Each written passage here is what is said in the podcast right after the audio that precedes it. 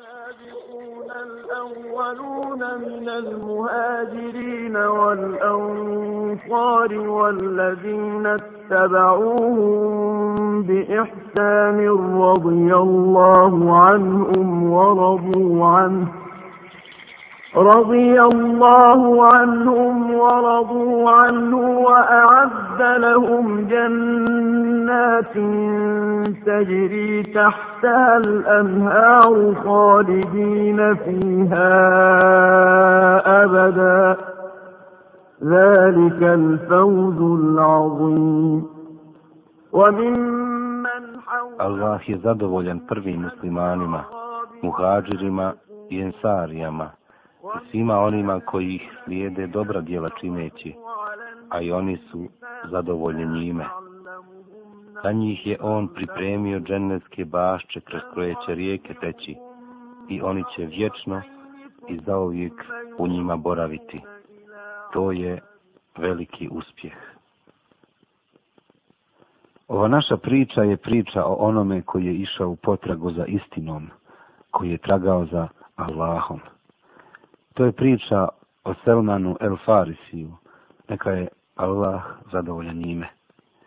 Pa omogućimo Selmanu lično da nam prepriča tu svoju priču, jer njegovi osjećaje za nju su dublji, a njegovo kazivanje tačnije i ričitije. Kaže Selman, bio sam dječak iz područja Ishafan u Persiji, iz sela koje se zvalo Džajan. Džajan. Moj otac je bio starješina sela, najbogatiji i najpoštovaniji u cijelom selu. Otkako sam rođen, ja sam mu bio najdraži od svih stvorenja, a iz dana u dan njegova ljubav prema meni se pojačavala tako da me strahujući za mene skroz zatvorio u kuću kao što se cure zatvaraju.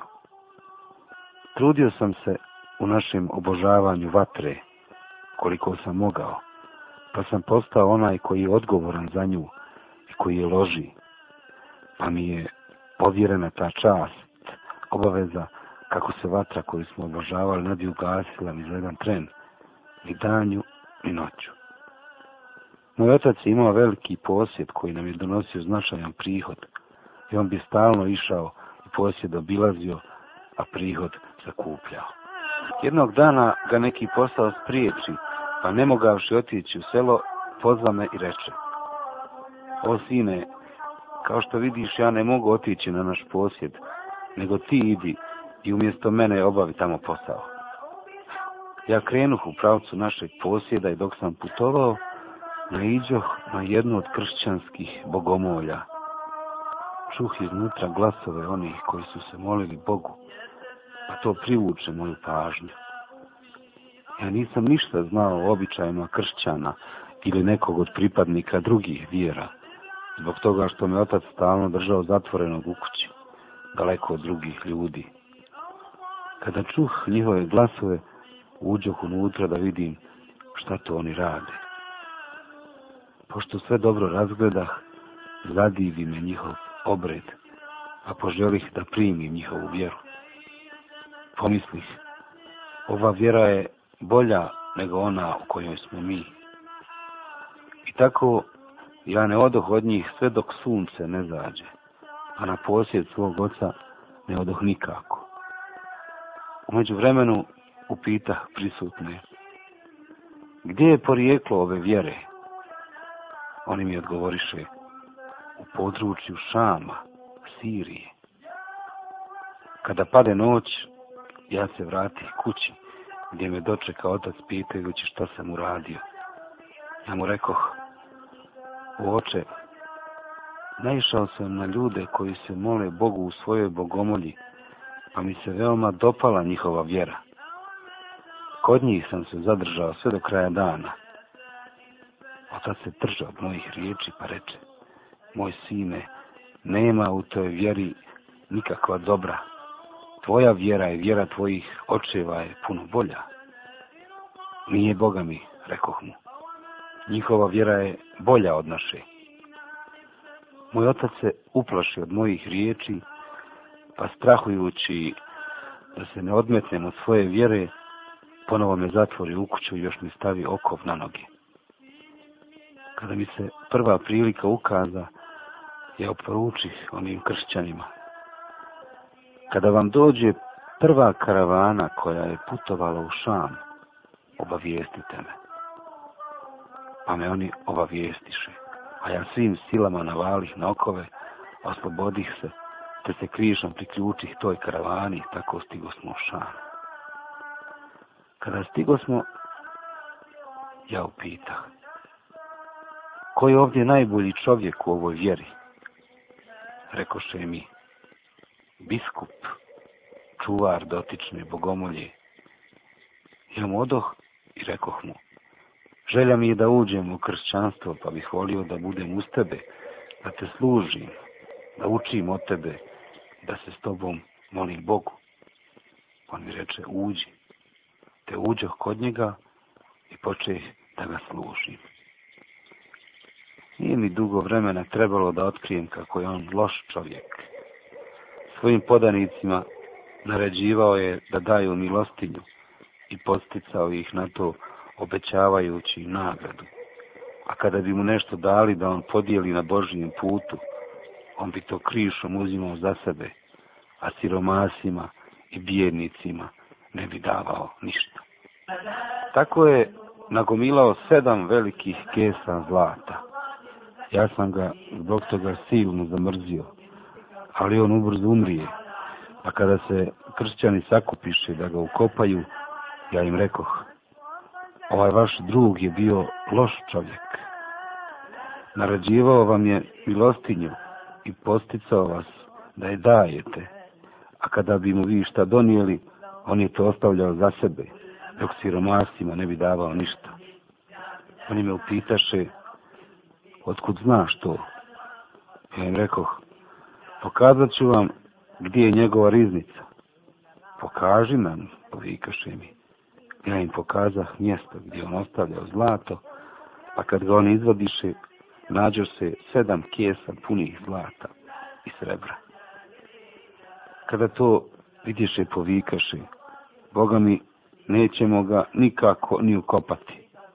Onda ga mrtva razapeše na krst i kamenovaše ga.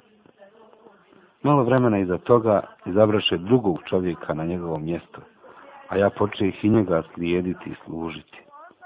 Nikad nisam vidio čovjeka da mu je ovaj svijet manje važan, a da se toliko brine za onaj svijet. Bio je i danju i noću u pobožnosti i obredima. Zavolio sam ga veoma jako, te kod njega ostah dugo. Kada mu se prikuči smrt, Ja mu rekoh, o dobri čovječe, koga mi preporučuješ i savjetuješ da kod njega budem posle tebe? On mi odgovori,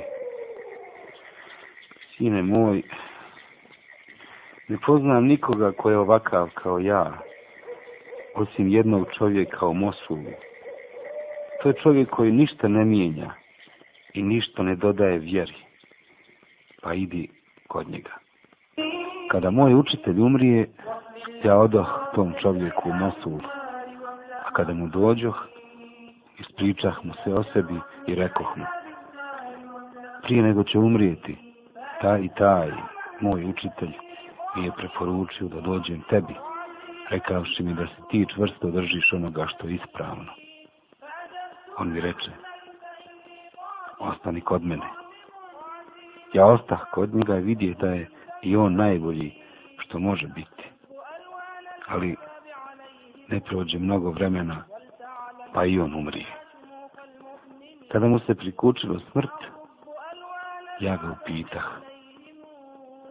O dobri čovječe, kao što vidiš, došla ti je Božija odredba, a ti o meni znaš sve. Pa kome me preporučuješ i koga mi savjetuješ da slijedim? O sine, reče mi on, Boga mi, ne znam ni za jednog čovjeka koji je ovakav kao što smo mi bili, osim tog i tog čovjeka u nesibinu, pa idi kod njega. Kada ovaj čovjek bi ukopan, ja otputovah u nesibinu nađeh preporučenog čovjeka, pa mu ispričah sve što mi je rekao moj zadnji učitelj. On mi reče, ostani kod nas. Ja ostadoh kod njega i uvjerih se da je i on dobar i pošten kao i njegova dva druga. Ali Boga mi i njemu ubrzo dođe smrt pa mu rekoh ti dobro znaš šta ti se sprema pa kome me sada ti preporučuješ. On reče o sine moj Boga mi ja ne znam ni za koga da je ovakav poput nas osim tog tog čovjeka u Amuriji, pa idi kod njega. Ja odoh tom čovjeku i sve ispričah, a on reče ostani kod nas. Ja ostadoh kod tog čovjeka koji Boga mi vjaše isti poput svojih drugova. Kod njega stekoh i malo i metka, nekoliko krava i ovaca. Zatim i tom čovjeku dođe Božja odredba koja je došla i njegovim drugovima, pa kad mu prikuči smrt, ja mu rekoh – ti sve o meni znaš veoma dobro, pa kome me preporučuješ i šta mi naređuješ da činim?